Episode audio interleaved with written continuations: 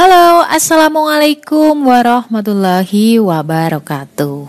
Alhamdulillah Bisa ketemu lagi dengan kalian Teman-teman sedunia dan sejanah Insya Allah amin ya. Yang baru pertama kali mampir Hai, kenalin aku Ria Marliana Dan kalian lagi ada di podcast Self Healing Podcastnya kita semua yang sedang belajar berdamai dengan luka. Tentu melalui psikologi Islam ini udah lebih dari separuh perjalanan di bulan Ramadan. Gimana nih puasanya? Pada bolong or bohong? Kalau yang cewek kebanyakan pada bolong kali ya, karena kan ya you know lah ada halangan tiap bulan. Kalau yang cowok nggak bolong sih, cuman ah sudahlah ya. Buat kalian yang lagi halangan, nggak usah sedih.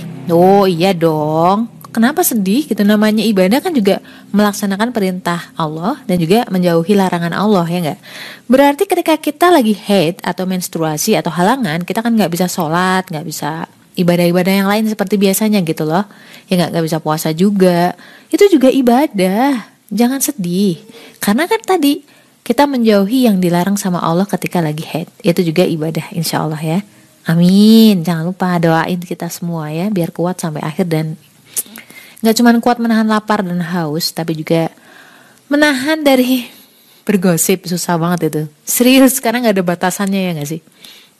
Nah ngomong-ngomong nih ya, ngomong-ngomong soal ngejauhin larangan Allah, boleh gak ya kira-kira nih ya, kalau misalkan aku sedikit bercerita nih, kenapa gue atau aku resign dari pekerjaan sebelumnya, dari bank aku di plat merah.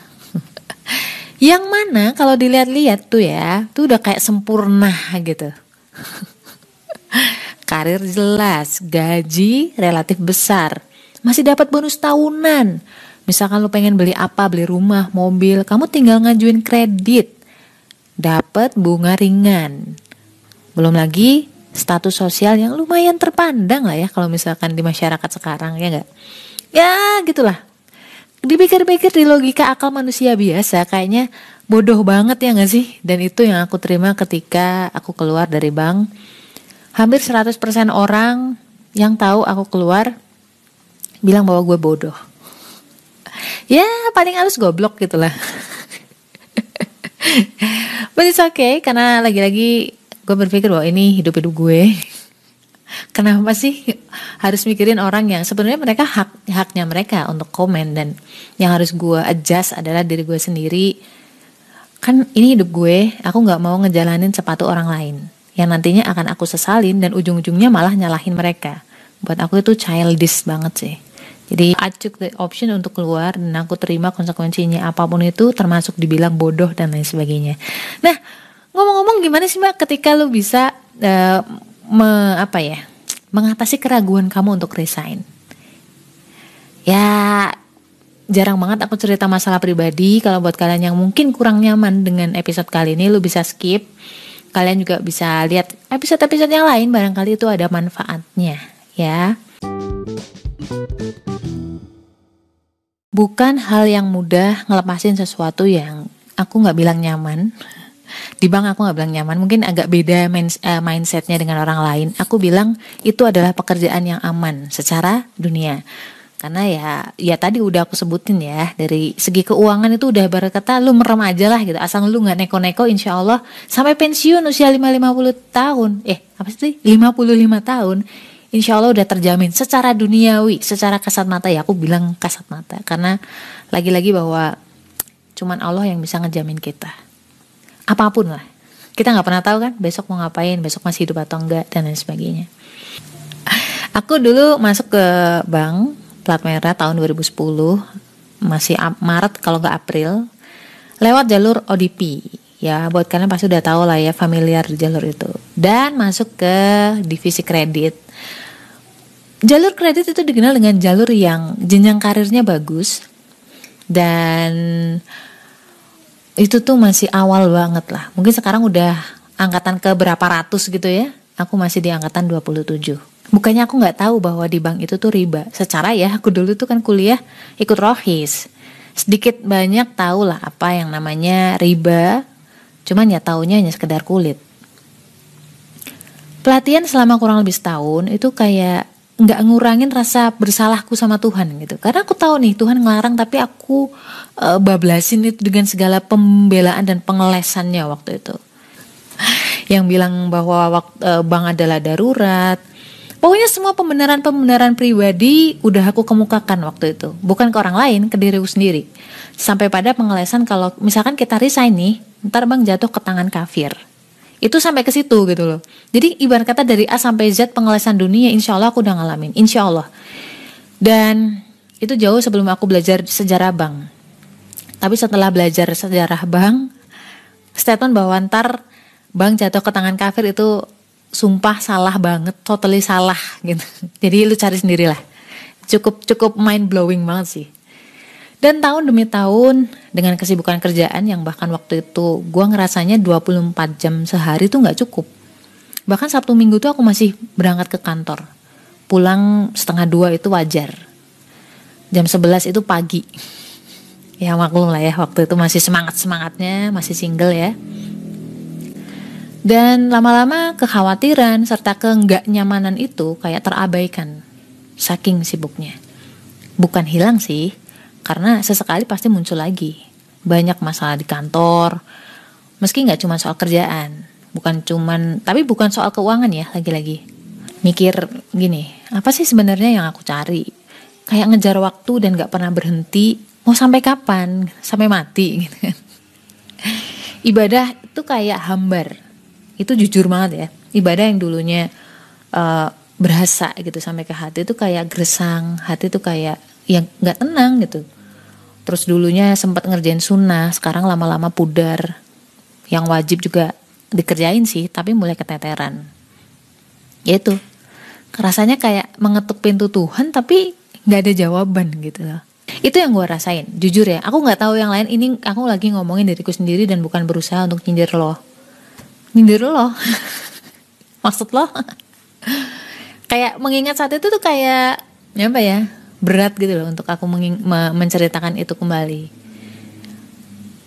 Kayak nggak masuk akal ya. Karena kan duit ada ya. Single waktu itu. Duit buat sendiri. Orang tua aku terus terang juga bukannya minta nuntut banyak gitu enggak. Ya nggak masuk akal aja. Semua kemudahan status sosial dan gue tuh bukan orang yang nyari customer gitu loh justru nasabah yang nyariin gue ya namanya dicari karena pengen minta kredit gimana sih? Lu nyuruh apa tinggal diturutin sama mereka karena ada maunya kan? Ini bukan soal nggak bersyukur ya. Itu beda karena namanya hati tuh nggak bisa dibohongin dengan kata-kata atau logika yang ngomong harusnya lu tuh bersyukur. Enggak enggak itu tuh deeper than that.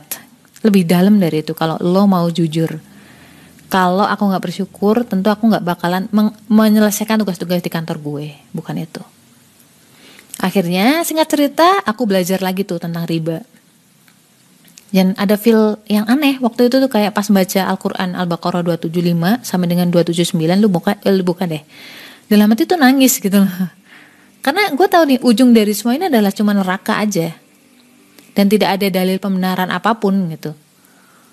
Nggak ada ibarat kata kayak no excuse gitu loh. Lo mau ngeles apa, dalilnya udah jelas di situ. Gak ada pembenaran lagi. Dan interest rate atau bunga di bank saat ini adalah riba. Aku nggak ngomong banknya ya, maksudnya sistem transaksinya yang haram. Banknya tuh mubah, artinya uh, tidak dinyatakan haram dan tidak dinyatakan hal ya mubah aja. Makanya aku makin kepo ya, karena terus terang aku orangnya tuh sebenarnya nekat-nekat tapi penakut gitu realistis gitu. Dan aku masih nggak percaya dong waktu itu. Nggak percaya gitu aja. Gue masih nyari ustadz yang bisa membenarkan logikaku. Pun sekalinya nemu kenapa hatiku nggak mengiyakan ya? Dan by the way aku orang yang nggak bisa bohongin hati nurani. Meski aku bisa bohongin orang dengan mulus ya. Namanya orang B gitu kan santai aja gitu. Tapi rasanya munafik aja kalau kalau yang kita bohongin adalah diri kita sendiri akhirnya tuh dari situ aku sering merenung terus berdoa sama Allah agar dikasih petunjuk. Dan ya Allah perlihatkan akibat neraka neraka nerakanya riba. Gak cuma dari kisah hidup aku sendiri tapi juga dari kisahnya teman-teman kerja terus nasabah nasabah aku dan itu aku observe gitu loh aku observasi sedalam mungkin. Karena memang ketika aku berdoa aku kan harus serius nih dengan doaku. Makanya ada ikhtiar dari situ aku mulai merhatiin aku mulai uh, baca-baca buku lagi tafsir lagi dari banyak mazhab kayak gitu. Dan aku mulai bandingin dengan dasar teori di Al-Quran dan juga hadis dengan pemahaman yang benar dari Rasul. Dan fix aku salah salah langkah nih dan aku niat resign Terus uh, apa niat aja cukup? Trust me, ada banyak banget pegawai bank yang punya niat resign, tapi niat itu terjaga sampai mereka pensiun. Bahkan ada yang sampai meninggal dan pas masih bertugas gitu dengan niat resign yang masih ada dalam hati mereka. Dan gue tahu banget rasanya riba itu kayak candu. Jadi makin lama lu berkecimpung di situ, hidup pun tuh kayak makin bergantung sama itu uh, ya kayak kita bergantungnya tuh jadi kayak ke gaji statement apa sih yang bisa menunjukkan itu? Gini loh kalau misalkan kata-kata ini keluar dari mulut loh kalau aku resign ntar makan apa? Kalau nggak ngeriba gimana kita bisa punya rumah? Atau misalkan kata-kata gini gimana kita bisa hidup? Gimana kita bisa mengembangkan bisnis kalau misalkan nggak pakai riba? Nah kayak gitu. Itu tuh tanpa kita sadar. Itu kita tuh salah bergantung gitu kenapa yang jadi maha kuasa adalah uang. Katanya kita percaya bahwa Allah lah yang mengatur itu semua. Itu tuh kayak kata hati renungan hati nyindir gue sendiri. Malu gitu sebenarnya. Jadi PR-nya tuh sebenarnya bukan cuma sekedar niat nggak sampai niat doang pengen resign. Tapi kapan lu mau resign? Nah, ini tuh bakal seru banget dan aku nggak akan mungkin nyeritain ini cuma di satu episode. So insya Allah aku terusin mungkin ya next next episode kali ya semoga insya Allah. Semoga apa yang gue bagiin tidak menjadi ria. Karena gini, dulu ketika aku resign belum banyak orang sharing tentang ini, tentang pengalaman hijrah, tentang pengalaman taubat. Itu masih jarang banget. Itu tahun 2017 ya. Jadi waktu itu aku benar-benar ngerasa sendiri sampai bingung harus gimana. Gak ada orang yang share, aku cari-cari juga belum banyak Semoga dengan ini teman-teman yang mungkin ada niatan resign atau sekarang sedang sedang dalam jalan hijrah, semoga Allah kuatkan. Seberat apa pun masalah kalian, jangan sedih karena Allah itu ada di situ, ada di dekat kalian. Allah tidak tidur. Gak mungkin Allah mengabaikan kamu. Karena hijrah itu kan niatnya karena Allah ya. Yang gak niat deketin Allah aja, itu dijaga sama Allah dipenuhi kebutuhan rezekinya apalagi kamu yang memang ada niatan untuk uh, ngedeketin Allah. So percaya aja lah sama Allah. Berdoa jangan lupa agar Allah kuatkan. Stay love and assalamualaikum warahmatullahi wabarakatuh